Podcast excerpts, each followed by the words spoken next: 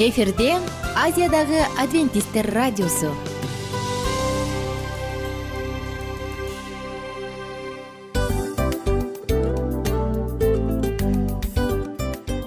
Достор салют. Баардык сүйүктүү угармандарыбызга салам айтабыз. Кутман күнүңүздөр менен. Ден соолук өмүрдүн булагы демекчи саламат саамы программасында баарыңыздарды көргөнүбүзгө абдан кубанычтабыз. Анда алгач амандашып өтөлү арбаңыздар деп. Ден соолугуңуздар кандай элибизде көбүнчө ден соолук кандай дегенде эле жакшы деп жооп беребиз э ооруп турсак дагы жакшы дейбиз. Анан мен муну айтып ойлойт элем бул абдан сонун сөз депчи анткени бул жакшы деген үмүт да э ооба баары жакшы болот баары сонун. Деп үмүттөнүп атып эле өзүбүздү өзүбүз дарылап коебуз. Анысы кандай? Сиздин дагы ден соолугуңуз жакшы беш деген үмүттөбүз чындыгында ден соолук бул өмүрдүн булагы деп бекеринен айтылган эмес деп ойлойм. Кыргыз элинде анткени эгерде ден соолук жок болсо анда адамдын жашоосунда калган баардык керектүү маңыздуу нерселер өзүнүн баалуулугун жоготуп коет. Ошондуктан ден соолук бул эң керектүү нерсе. Ооба туура айтасың кесиптешим. Чынында ден соолугуң жок бир эки үч күн ооруп калсаң эле э кандай болуп калат? Жашоодо көз каранды болуп каласың көп нерсеге жетишпей каласың көп нерсени кыла албай каласың жада калса эшикке дүкөнгө да чыга албай каласың. Туптуура анан ден соолук болсо демек биз биздин бактыбыз тоодой деп койсок болот. Анда достор саламат рубрикабызды баштайлы. Алдыда өзүңүзгө керектүү болгон сонун кеңештерди уга аласыздар. Мына ошондуктан биз менен бирге болуңуздар. Ал эми биз болсо милан жана айнура. Кеттик алга. Алга саламат саама ден соолуктун жарчысы. Саламат саама ден соолуктун ачкычы. Күн сайын сиз үчүн мыкты кеңештер сонун жаңылыктар кызыктуу фактылар биздин рубрикада.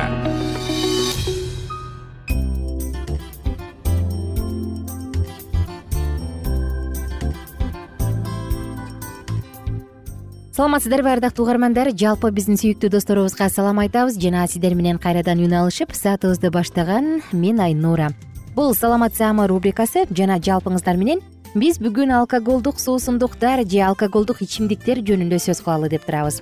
Алкоголдук ичимдиктер достор кээде албетте муну дароо эле биз зыяндуу суусундуктардын катарына дароо эле ойлонбостон кошобуз. Анткени анын минималдуу эле саны дагы минималдуу эле өлчөмдү дагы бул баары бир адамга физикалык жана психикалык жагына зыян алып келет. Мына ошондуктан алкоголдук напитоктор суусундуктар ичимдиктер зыяндуу деп так гана айта алабыз. Байыркы заманды эске салсак нух пайгамбары бар эмеспи?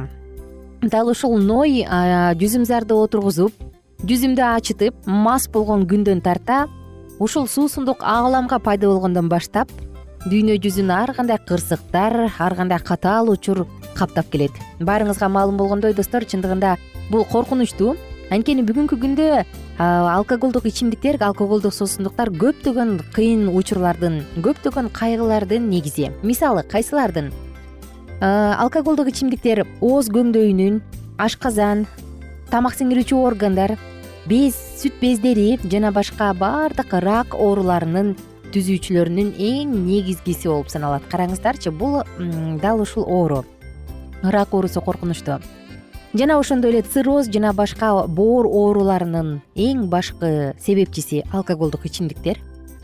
Жол кырсыктарында качан адамдар жол кырсыктарына көп кабылат? Албетте ичип алган кезде жана ошондой эле зордук зомбулук кылмыштардын негизги булагы дал ушулга алып келүүчү. Адам ичип алгандай билбей калат э эмне кылып атканын ал үйдө баатыр жоодо жок жоодо баатыр болуп калат да жана ошондой эле достор неврологиялык жана психиатриялык бузулуулар. Мына булардын баардыгына тең дал ушул нерсе себепкер. Дагы да э, эгерде бир аз ичип койсо дары экен десеңиз анда сиз жаңылышасыз. Эң эле жакшысы жана коопсуз болгон бул мындай алкоголдук суусундуктарды таптакыр ичпей коюу. Бул туура чыгуу жолу. Анда достор андан ары уланталы э, алкоголь жана рак жөнүндө сөз кылсак. Кайсы бир окумуштуулар албетте бул дүйнөдө өзүнчө бир кандай десем соода борборун түзүп алгандар сооданын пирамидасын түзүп алгандар. Канчалык бир деңгээлде чоң чоң чоң коммерциялык фирмалар алар өздөрүнүн товарын өткөрүш үчүн сөзсүз түрдө анын өздөрүнүн продуктысын жарнамалашат. Анан алар бир аар кызыл кызгылт вино ичип кой бир аз кызгылт мындайын ичип койсоң дары болот канды көтөрөт андай мындай деген толтура жарнамалар бар эмеспи. Алардын бирине дагы ишенбеңиздер деп айтмакчыбыз. Жакынкы араларда батыш өлкөлөрүнүн сегиз батыш өлкөсүнөн бир эле эмес сегиз батыш өлкөсүнөн үч жүз элүү миң адам катышкан изилдөө жүргүзүлгөн. Ал изилдөөнүн натыйжасында алкоголдук ичимдиктерди бир аз ичсең дагы көп ичесиңби же бир аз ичесиңби баары бир ал тамак сиңирүү органдарында ашказан боор сүт бездери жана башка баардык рак оорусуна алып келүүчү эң негизги себепкер болоорун далилдешкен караңыздарчы достор үч жүз элүү миң адам жөнөкөй көрсөткүч эмес болгондо дагы сегиз батыш өлкөлөрү болсо бул андан дагы чоң көрсөткүч. Ошондой эле достор бул ушул изилдөө британиялык медицина журналына басылып чыккан дагы ал жерде айтат алкоголду канчалык ичпесин ал баары бир канчалык дозада болбосун баары бир зыян деген натыйжага келишкен. Демек эгерде сиз жүрөк кан тамырларын алдын алам бул ооруга чалдыкпайм деп коркуп бир аз бир аз вино уурдап койсоңуз анда эстен чыгарбаңыз андан да коркунучтуу рак оорусуна чалдыгып калышыңыз мүмкүн. Эми сиздер менен бир аз алкоголдук суусундуктардын санай кетсек кандай ичимдиктер бар? Абсент бул өтө катуу күчтүү алкоголдук суусундук батыш өлкөлөрүндө кеңири колдонулат. Жана ачуу алкоголь анын курамында отуздан алтымыш пайызга чейин таптаза болгон спирт колдонулат. Амарула анисовка бренди кашаса. Бул бразилиянын суусундугу э кашаса. Жана ошондой эле сахар тростнигинен алынган суусундук анын курамында отуз сегизден элүү төрт пайызга чейин алкоголь суусундугу бар. Ошондуктан бул нерсени дагы ичүүгө биз сунуштабайбыз андан баш тартыңыз демекчибиз. Чича. Бул латын америкалык суусундук. Ал дагы жүгөрүнүн жана башка мөмөлөрдүн негизинде ферментациялардын негизинде жасалат. Бирок анын дагы курамында алкоголь бар жана ошондой эле метил спиртинен жасалган чиче гуарапо бул дагы колумбия борбордук америка кариб бассейн өлкөлөрү мына ошол сыяктуу өлкөлөрдө кеңири колдонулат. Анын курамында жети пайыз гана алкоголь болгону менен муну дайыма колдонуу боордун цирроз оорусуна алып келет. Мына ошондуктан достор гуарапа ал жакта алкоголсуз напиток болуп саналса дагы бирок анын курамында жети пайыз алкоголь бар женевер бул дагы баягы арпаны улам иштеткенден келип чыгат. Анын курамында дагы тилекке каршы кырк үчтөн кырк жети пайызга чейин алкоголь бар. Медовуха. Бул мексикандык мексика элинин ликери. Ал агаванын баягы саптарын улам иштеткенден улам пайда болот. Анын курамында кырк беш пайыз алкоголдук ичимдик бар. Писко перуандык ликер. Бул кадимки эле перуандарга тиешелүү болгон ликер ал дагы винонун негизинде жасалат жана мында алкоголдук ичимдиктин курамы кырк үч пайыз. Ром сахар тростнигинен жасалат алкоголь кырк пайызын түзөт. Текила бул дагы мискалюга окшош.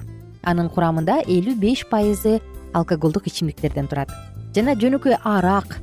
Арак дагы көбүнчө арпа буудай картошканын негизинде жасалат анын курамында кырк пайызы алкоголдук суусундуктар виски. Виски дагы ашкан баягы арпанын солодунан жасалат.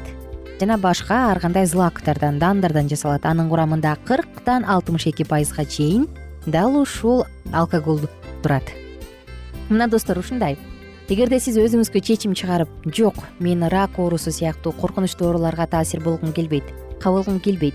Мен үчүн ден соолук маанилүү десеңиз анда жөн гана сергек жашоо образын алып жүрүүнү сунуштайбыз мурунку уктурууларыбыз эсиңизде болсо биз алкоголсуз коктейлдерди суусундуктарды айтып өткөнбүз. Ал абдан жашартуучу адамга туура жакшы багыт берүүчү жана албетте пайдалуу суусундуктар деп. Ошол суусундуктарды колдонуңуз дагы дал ушул сыяктуу алкоголдук суусундуктардан ичимдиктерден толугу менен баш тартып коюңуз. Оорубаңыз эч качан ден соолук адамга бир гана жолу берилет ден соолукту акчага сатып ала албайбыз. Бар болуңуздар бай болуңуздар. Кайрадан амандашканча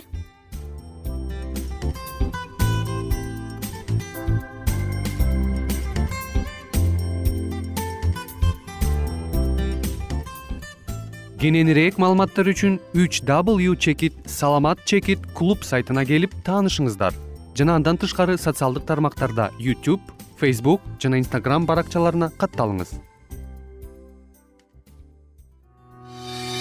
Саламат саама ден соолуктун жарчысы. Саламат саама ден соолуктун ачкычы. Күн сайын сиз үчүн мыкты кеңештер сонун жаңылыктар кызыктуу фактылар. Биздин рубрикада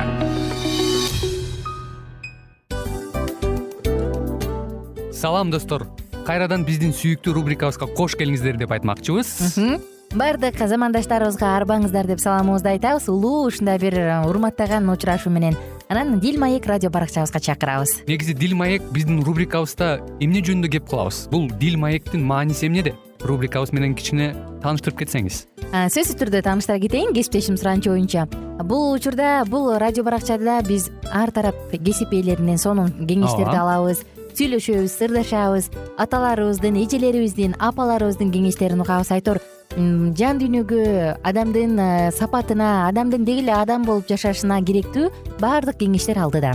Негизи э, дил маек дегенде баягы эки адамдын ортосундагы сырдашуу кенен сүйлөшүү. Негизи эле биз адамдар бири бирибиз менен бир жерге жай жерге отуруп алып өзүнчө тынч э, жашоо жөнүндө өмүрүбүздө эмне болуп атканын бөлүшкөнү жакшы көрөбүз э адамдар. Ооба туура айтасың анан э, мындай учурга кээде убакыт да жетпей келет э? Же болбосо сырыңды кайгыңды муңуңду кубанычыңды айткың келет а адамга ишенбешиң мүмкүн. Ооба. А бул радио баракча угармандарыбыздын чыныгы досу анткени бизден алган кеңеш сиздин жашооңузга чоң жардам берет.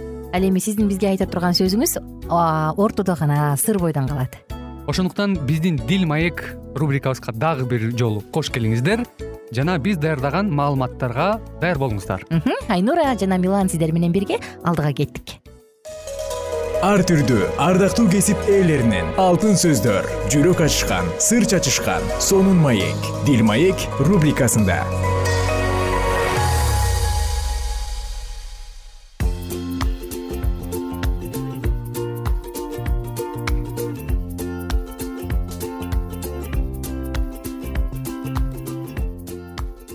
Саламатсыздарбы? Биздин кадырлуу замандаштарыбыз жалпыңыздар менен дил маек уктуруусунда ата энелерге болгон мамиле тууралуу сөз кылабыз бүгүнкү темабыз дал ушундай.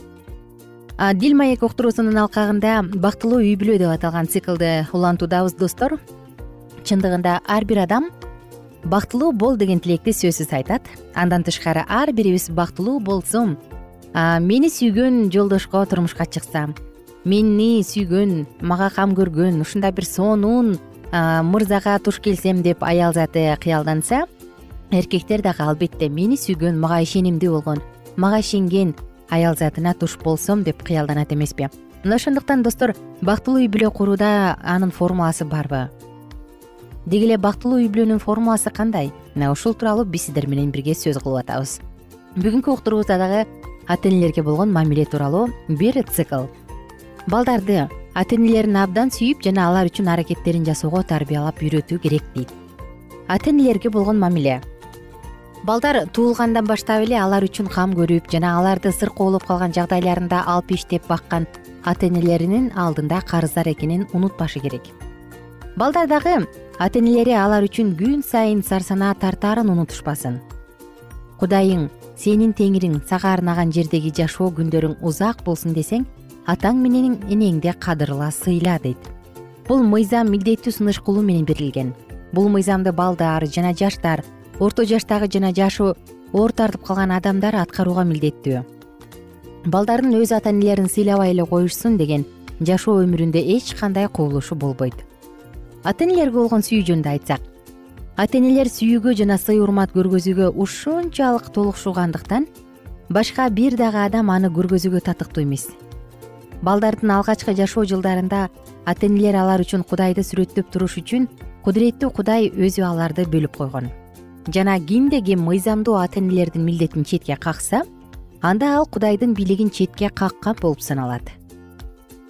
Бешинчи осуяттагы шарт буларды талап кылат. Балдар жөн гана ата энелерин сыйлап койбостон аларга багынсын жана аларды уксун жана дагы сүйүүчүлүк жумшактык мамиле менен жасап алардын иштерин жеңилдетсин алардын мээримдүү ысымын сактап улгайган учурунда жардам берип сооротсун биздин убагыбызда э, балдар ата энелерине болгон милдетин жакшы эмес көз карашта элестетишет э? Көпчүлүк учурларда мындай болуп калат. Ата энелер балдар үчүн канчалык көп нерселерди жасаган сайын ошончолук балдары нысапсыз жана ата энелерди ошончолук аз сыйлап калат. Улуу кишилер ар дайым эле ушундай болуп тура берет деп чектен чыгара эле эркелеткен балдар капысынан андай болушпай алардын ойлогону орундалбай калса көңүлдөрү суз тартып жана кайгынын тооруна кабылып калышат. Бул макул болуу алардын өмүрүнүн акырына чейин коштоп калышы мүмкүн. Алар алсыз болушуп башкалардын жардамын издешет жана алардын арзыбаган нерселерине кайрымдуулугуна муктаж болушат. Жана эгерде алар улгайыңкы курактарында дагы каршы аракеттерди жолуктурушса өздөрүнүн шылдың болуп калгандай сезип калышат. Алар бул дүйнөдө эптеп септеп күн көрүшүп баардыгы алардын каалагандай болбой калгандыгы үчүн ар убакта кыжырдана беришет. Балдар ата энелердин сүйүүсүнө муктаж. Болбосо алар өтө бактысыз адам болуп калышат. Карачы балдар ата энелердин сүйүүсүнө муктаж. Жана чынында эле ошончолук калыстык эмеспи. Балдардын ата энелерин сүйүп жана өз сүйүүлөрүн жоодураган көз караштарында көргөзүп жакшы сөздөрү жана кубанычтуу чын жүрөктөн болгон мамилелери атасына жардамдашып апасынын үй тиричилигинде кол кабыш кылып жеңилдетүү. Эмне жаманбы албетте жакшы. Балдарга болгон кеңеш айта кетсек. Балдар жана жаштардын кудайга кайрылуусу алгачкы жылдарында болуусу абдан жакшы. Анткени жаш убакта кабылдаган адаттар жана мүнөздөр түшүнүктөр адамдын өмүрүнүн баардык жылдарын узартып барат. Балдар жана жаштар ата энелерине ишенгендей эле ишенич менен өзүнө келүүсүн ыйсага ыйса ар дайым каалап турат бала курсак ачып турган учурда атасынан же апасынан нан сурайт эмеспи? Так ошол сыяктуу эле кудай дагы силердин муктаждыгыңарды андан сурооңорду каалайт. Ыйса балдардын муктаждыктарын билет жана алардын сыйынууларын укканды сүйөт. Өз жүрөгүңөрдөгү сырыңарды ыйсага ачып бергиле. Анткени анын көздөрү жандын жашыруун жерлерине жетет жана ал силердин оюңарды ачык китеп окугандай окуп турат. Силер качан өзүңөрдүн жаныңар үчүн эмне керектүү болсо ошону сурасаңар ишенгиле сөз жок аларыңарга. Жана бул силерде болот.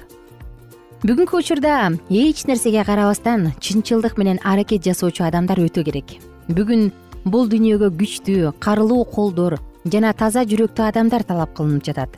Кудай адамдардын ар дайым жеткилиңдештирүүнүн күндөн күнгө кол жеткис бийиктиктерге умтулуусун ойлонуштуруп койгон эгерде биз өзүбүз жакшылык кылууга аракеттене турган болсок анда кудай дагы бизге жакшылык кылууга даяр. Биздин бактылуулукка болгон бул дүйнөдөгү жана түбөлүктөгү үмүтүбүз биздин бул жердеги өмүрүбүздөгү жетилеңдигибизге жараша болот. Тандоо эркинде кемчиликсиздикти ийкемдүүлүктү жана жакшы сапаттарды көргөзгүлө. Кудай силердин тынчтыктын руху тунук акыл жөндөмдүү ой пикир өтө курч түшүнүк менен сыйлап койгон. Өзүңөрдүн көңүлүңөргө бул мыйзамды кабыл алгыла. Анда кудай мындай деген көргөзмө берген. Кудайың сенин теңириң сага арнаган жердеги жашоо күндөрүң узак болсун десең балдар силердин түбөлүктүү жашагыңар келеби? Анда өз ата энеңерди сыйлагыла жана сүйгүлө. Алардын жүрөгүнө оору туудурбагыла аларды кейитпегиле силер үчүн тынчсызданып жана капаланып уйкусуз түндөрдү өткөрүүсүнө аларды зордобогула эгерде башталышында силер аларды сүйбөй жана тилдерин албаган болсоңор азыр болсо башкача мамиле кылгыла. Эгерде бул силердин түбөлүктүүлүккө барууңарга жол ача турган болсо анда силер башкача ыкма колдоно албайсыңар. Кымбаттуу достор бул теманы кийинки уктурууда дагы улантабыз. Ал эми бүгүн ушул жыйынтыктап жатып эмне демекчибиз? Ата энелерди сыйлоо бул балдардын парзы ата энелерди урматтоо бул балдардын парзы жер үстүндө өмүрүң узун жана жакшы күндөр көп болушун кааласаң анда ата энеңди сыйла дейт. Ошондуктан ата энелерди сыйлайлы алардын жүрөгүн оорутпайлы алардын ачуусун келтирбейли. Сиздер менен коштошом кийинки уктуруудан кайрадан амандашабыз. Бар болуңуздар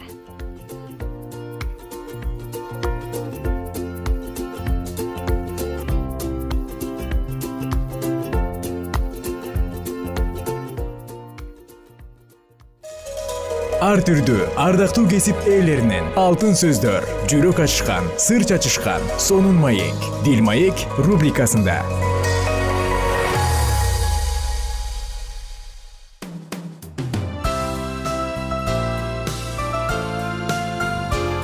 Эфирде азиядагы адвентисттер радиосу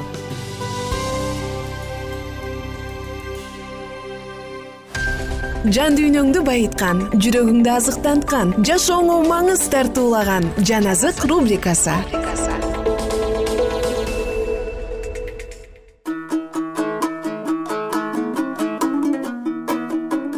Кутман күнүңүздөр менен кадырлуу замандаштар жалпы биздин сүйүктүү угармандарыбыз менен амандашып жан азык рубрикасын баштадык. Жана бүгүн сиздер менен бирге лука жазган жакшы кабар китебин окууну улантабыз жыйырма төртүнчү бөлүм. Жуманын биринчи күнү аялдар өздөрү даярдаган жыпар жыттуу майларды алып таң заардан мүрзөгө келишти. Алар мүрзөнүн оозундагы таштын четке жылдырылып калганын көрүштү. Ичине кирип теңир ыйсанын сөөгүн таппай калышты. Алар буга таң калып турушканда күтүлбөгөн жерден алардын алдына жаркыраган кийимчен эки адам туруп калды аялдар коркуп кетип жер карап калышканда алар эмнеге өлүктөрдүн арасынан тирүүнү издеп жүрөсүңөр? Ал бул жерде жок. Ал тирилди анын галилеяда жүргөн силерге айткан сөздөрүн эстегилечи. Адам уулу күнөөкөрлөрдүн колуна салынып берилип айкаш жыгачка кадалып үчүнчү күнү тирилиши керек деп айткан эмес беле дешти. Ошондо аялдар ыйсанын сөздөрүн эстешти. Алар мүрзөдөн кайтып келишип мунун баарын он бир шакиртке жана башкаларга кабарлашты. Муну элчилерге айткандар магдалалык мариям жахана жакыптын энеси мариям жана алардын жанында жүргөн башка аялдар эле. Элчилер аялдарга ишенишкен жок. Бул сөздөр аларга куру сөздөй сезилди. Бирок петир ордунан тура калып мүрзөгө чуркап келди да эңкейип карап жерде жаткан кепинди гана көрдү ал болгон окуяга таң калып артына кайтты. Так ошол күнү эки шакирт иерусалимден болжол менен алтымыш стадия алыстыкта жайгашкан эмаус деген бир айылга жөнөдү. Алар жолдо ушул окуяларды талкуулап сүйлөшүп бара жатышканда ыйса жакын келип аларга кошулду. Бирок алардын көздөрү жабылып калгандыктан аны таанышкан жок. Ыйса алардан силер эмне жөнүндө сүйлөшүп келе жатасыңар эмнеге капалуусуңар деп сурады. Алардын бири клеопа ага ушул күндөрү иерусалимде болуп өткөн окуяны жалгыз эле сен билбейт окшойсуң деди. Ыйса алардан кайсы окуяны деп сурады. Алар ага мындай деп жооп беришти. Назареттик ыйсаны эмне кылышканын билбейсиңби ал кудай алдында эл алдында иши менен да сөзү менен да күчтүү пайгамбар болчу биздин башкы кызмат кылуучуларыбыз башкаруучуларыбыз аны өлүм жазасына тартыш үчүн кармап берип айкаш жыгачка кадатып салышты. Бул окуянын болгонуна үч күн болду. Биз болсо ал ысрайыл элин куткарат деп үмүттөнүп жүргөнбүз. Бирок арабызда жүргөн кээ бир аялдар бизди аябай таң калтырышты. Алар таң заардан мүрзөгө барып анын сөөгүн таппай калышыптыр кайтып келишкенде анын тирүү экендигин айткан периштелерди көрүшкөндүгүн айтышты. Биздин арабыздан кээ бирөөлөр мүрзөгө барышса аялдардын айтканындай болуп чыгыптыр бирок алар ыйсанын өзүн көрүшпөптүр. Ошондо ыйса аларга пайгамбарлардын айткарына оңой менен ишенбеген акылсыздар. Өзүнүн даңкына ээ болоордон мурун машаяк ушундай азаптарды башынан өткөрүшү керек эмес беле анан алар тоорат пайгамбарлар жана жазмалар китептеринде өзү тууралуу айтылгандардын баарын түшүндүрүп берди. Алар өздөрү бара жаткан айылга жакын келип калышканда ыйса аларга андан ары жолун уланчудай тур көрсөттү. Бирок алар биз менен кал күн да батайын деп калды деп аны калууга аргасыз кылышты. Ыйса алар менен бирге айылга кирди. Алар менен чогуу дасторконго отурганда ал колуна нан алып кудайга ыраазычылык билдирди да аларга сындырып берди. Ошондо алардын көздөрү ачылып аны тааный коюшту. Бирок ыйса аларга көрүнбөй калды.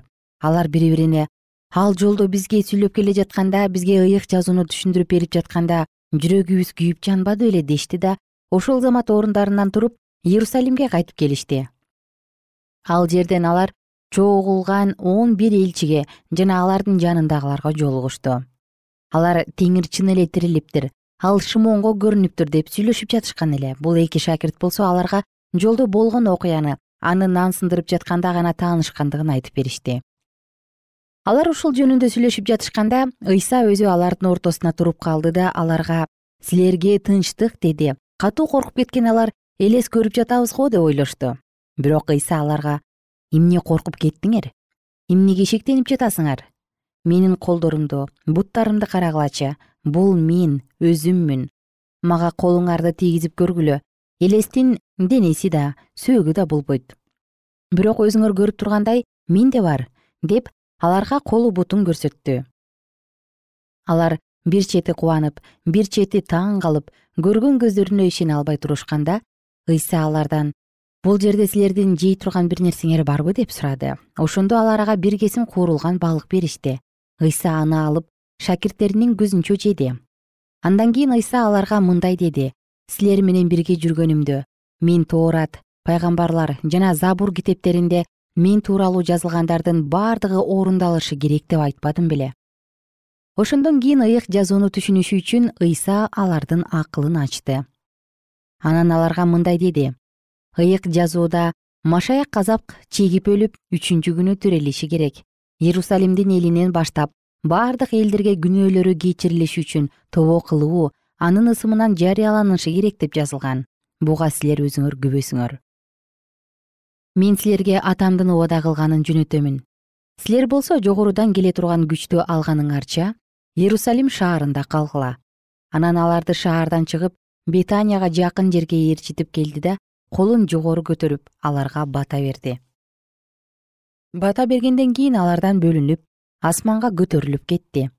Ошондо алар ага таазим кылышты да зор кубаныч менен иерусалимге кайтып келишти. Дайыма ибадатканада болуп кудайды даңктап жүрүштү.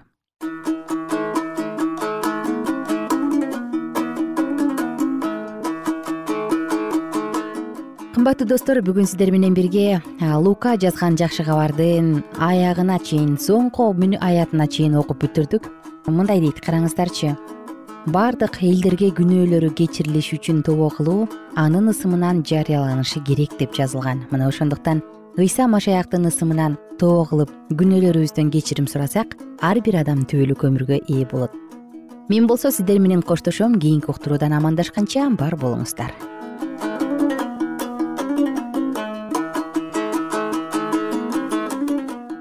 эгер сиздерде суроолор болсо же көбүрөөк маалымат билем десеңиз анда биздин whatsapp номерибизге жазыңыз.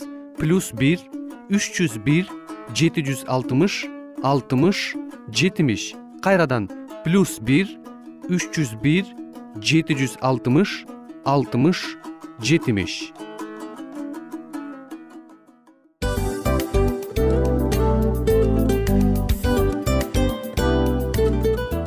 достор биздин радио баракчаларыбыз соңуна келди. Демек бул программабызды дагы жыйынтыктачу учур келдик. Учурга келдик. Анан кесиптешимден сурагым келип турат. Негизи эле иштин башталып атканы кубандырабы сени же жыйынтыгы кубандырабы?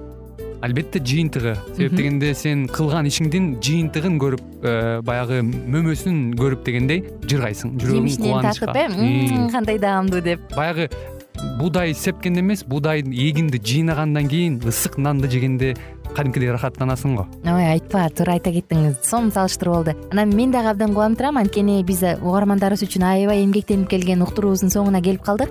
Анан эми э, уктуруубуздун соңунда угармандар кандай пайда алып калды экен деп күтүп турам да. Балким э, менин жашоомо өзгөрүү киргизе турган сонун сөздөр болду. Мен ушул нерсени изилдеп анан кабыл албасам ушул нерсени кылбасам деген чечим чыгарсаңыз анда биз абдан кубанычтабыз. Сөзсүз түрдө андыктан кийинки биздин кызыктуу уктурууларыбыздан көрүшкөнчө сак саламатта калыңыздар. Чыдамсыздык менен сиздерди мен милан жана кесиптешим айнура күтөбүз. Баардык угармандарыбызга ийгиликтүү күн каалайбыз. Качан гана болбосун уртуңуздан жылмаюу кетпесин үйүңүздө көмүр жүрөгүңүздө көңүл болсун дейли